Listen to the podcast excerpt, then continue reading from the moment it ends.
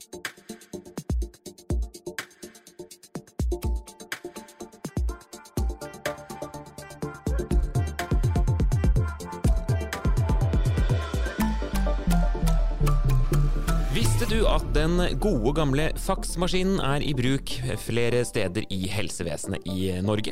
Samtidig så utvikler vi banebrytende helseteknologi i verdensklasse her til lands. Lena Nymo Helli har overtatt roret i Norway Health Tech, og hun er gjest i Inopodden i dag. Velkommen til oss, Lena. Tusen takk, hyggelig å være her. Og velkommen som leder i Norway Healthtech. Du har vært det noen måneder nå, men eh, forholdsvis fersk ennå, da. Håkon og Haugli, velkommen til deg eh, også. Du Lena, for de som ikke kjenner til Norway Healthtech, hva er dere og hva, hva gjør dere? Ja, Norway Healthtech er i helseklynge. Vi ønsker å bringe banebrytende helseteknologi fra Norge og ut i verden. Eh, vår hovedrolle er å være kobling mellom de forskjellige aktørene innenfor helseøkosystemet. Dvs. Si gründere og entreprenører som utvikler de gode nye løsningene. Eh, det offentlige, som gjerne kunden som skal ta det i bruk, og som regulerer hvordan det skal tas i bruk. Pasientforeninger, store eh, internasjonale selskaper. Eh, og investorer, ikke minst. Så vi er en koblingsarena som muliggjør en raskere innovasjon. Sånn at vi både kan bygge helsenæring og effektivisere tjenestene i helse- og omsorgs... Eh, jeg snakket jo litt om faksmaskinen her. det er kanskje et brukt eksempel, men det er nok mange som blir overrasket av, av det likevel. Hva, ble du det da du kom som leder i desember? Eh, ja, både ja og nei, vil jeg si. Fordi det, vi har jo egentlig så mye bra og banebrytende helseteknologi allerede tilgjengelig i Norge, som også egner seg globalt. Men det er klart at uh, den må tas i bruk for at vi skal kunne få til effektive og gode helsetjenester. Uh, og det er jo et faktum at uh, der er det en vei å gå.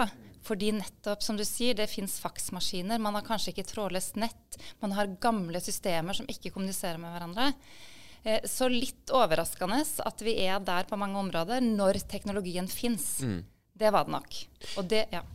Og, og, så har du eh, flere års internasjonal erfaring. Du har vært to år i Tyskland. Hvordan var det der, eh, hvis du sammenligner med her når det gjelder helseteknologi da spesielt, og, og innkjøpsordninger fra offentlig sektor og dette her? Ja.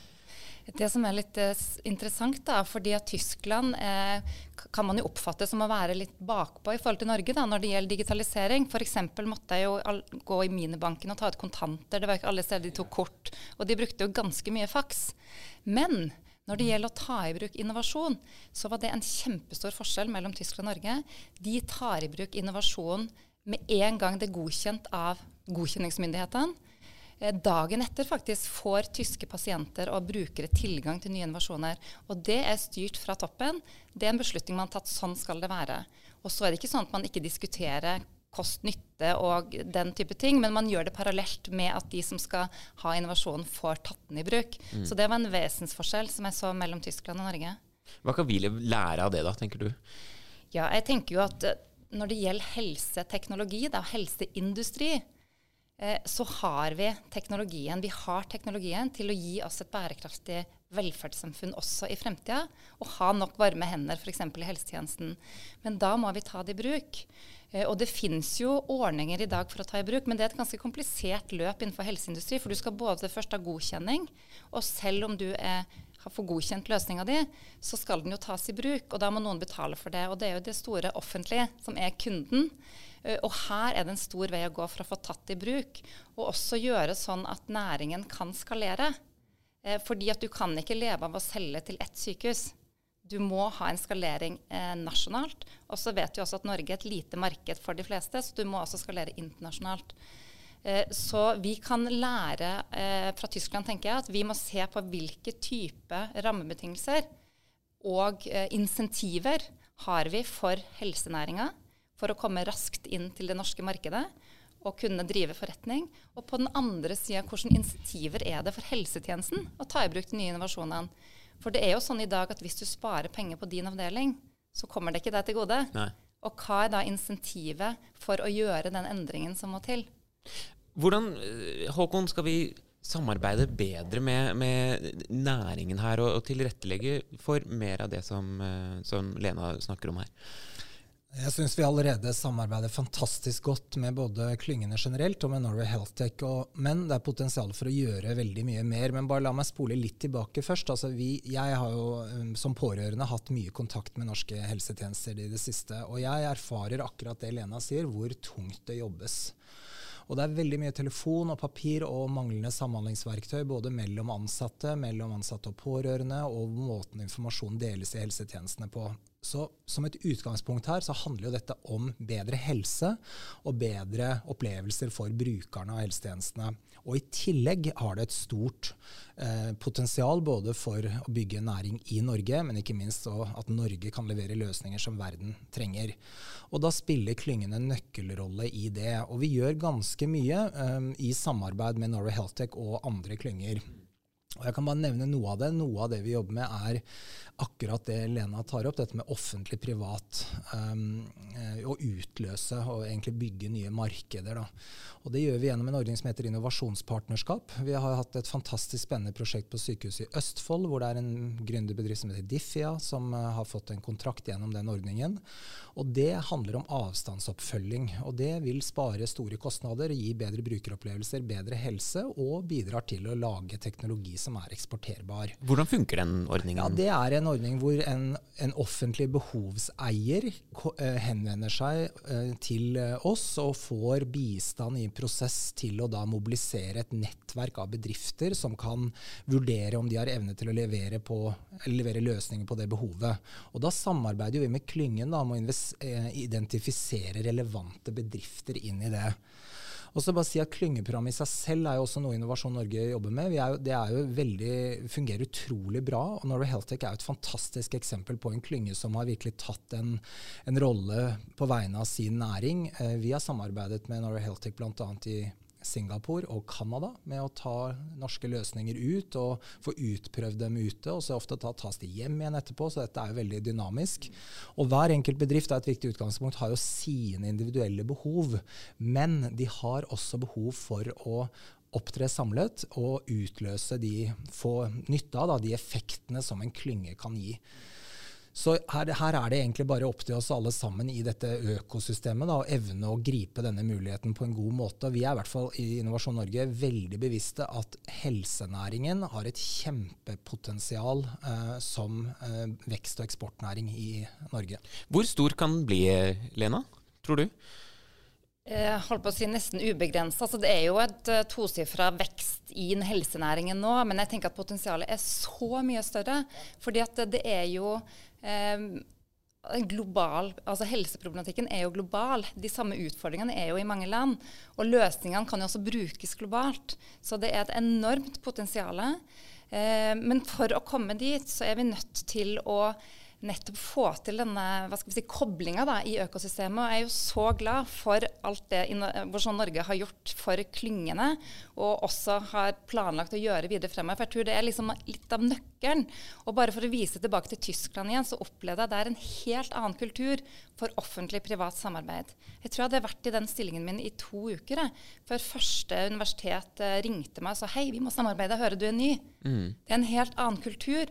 Hvordan da? Mer offensiv, da? Eller? Ja, vi må ta inn over oss at i Norge så er det fortsatt litt sånn eh, ureint å snakke om helse pluss næring og tjene penger. Ja, mm. eh, det er noen myter der ikke sant, som vi må komme bort ifra. Da, for det er jo fantastisk å kunne tjene penger på helsenæring for verdiskapning, for eksportinntekter, og samtidig reduserer du kostnader i helsevesenet. Og vi som pasienter og brukere får de beste løsningene. Det er jo vinn-vinn-vinn.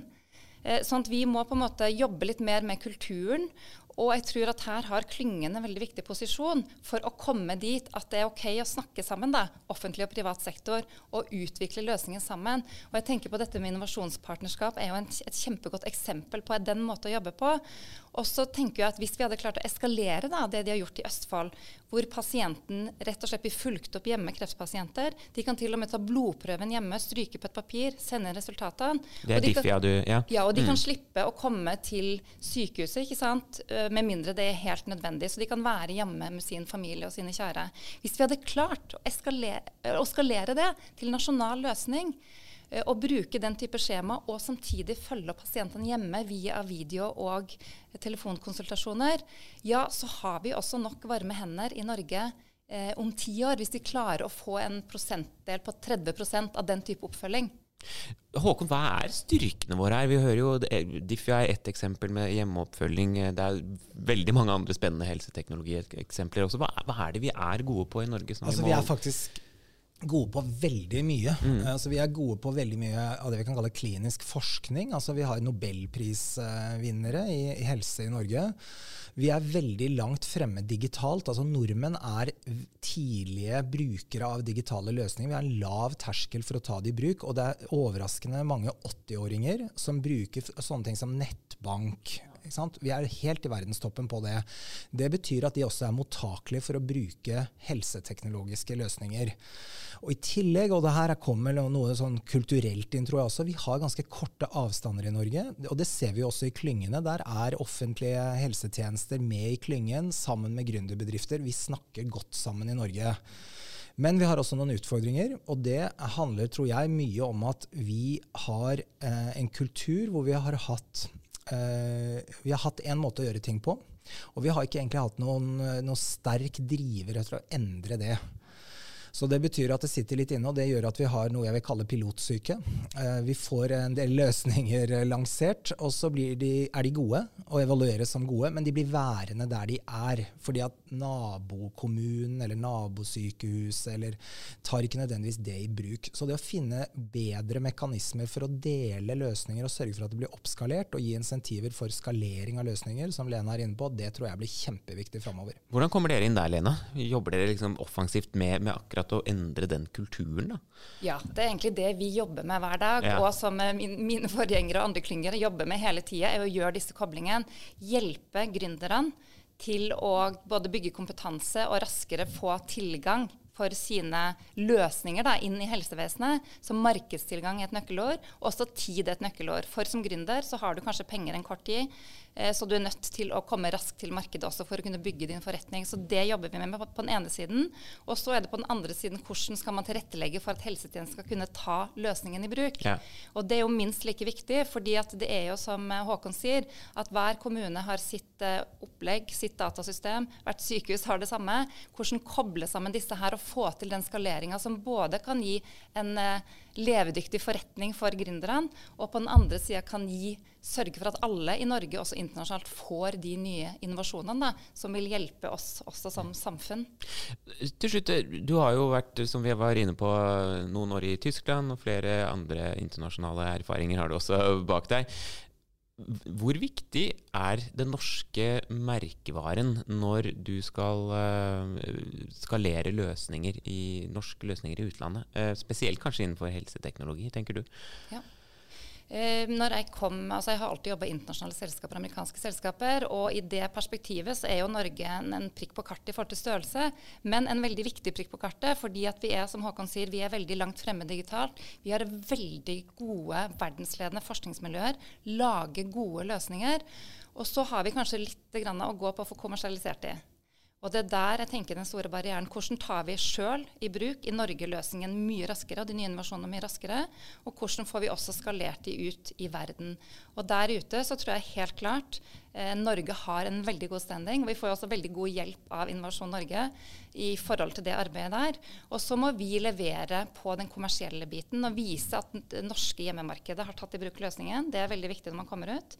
Eh, og så må vi også skjønne de kulturelle forskjellene, som jeg også opplevde sjøl da jeg var i Tyskland. Hva skal til da for å lykkes i de andre markedene? Kan jeg få skyte inn her? Altså, vi har jo gjort noe sammen i Singapore, Norway Heltech og Innovasjon Norge. Og der, der, Det er tenkt som et hva skal si, brohode inn i det asiatiske markedet for eh, norsk helseteknologi. Eh, vi inngikk nylig en avtale med Enterprise Singapore, og det handler nettopp om det som Lena er inne på, denne lille, men viktige prikken eh, Norge kan være. Og vi begynner der på et annet sted. Vi, det legges til grunn i den forståelse at det vi leverer, holder høy kvalitet. Og det handler om flere ting, tror jeg, men også om tillit til Altså dette med at vi er til å stole på. Vi leverer vår kultur forbindes med det. Vi er opptatt av verdier som bærekraft, eh, at det skal være lik tilgang osv. Og, så og i tillegg har vi teknologi i verdensklasse. Så Det er et eksempel på at vi utnytter av merkevare Norge og det gode samspillet som, eh, som klynger og det offentlige virkemiddelapparatet kan ha i, et, i eksportsammenheng. Så dette må vi bare gjøre mer av. Da eh, får vi se om vi klarer å utrydde faksmaskinen fra norske sykehus, både bokstavelig og i overført betydning. Tusen takk, Lena, for at du kom hit til oss, og takk også til deg, Håkon Haugli.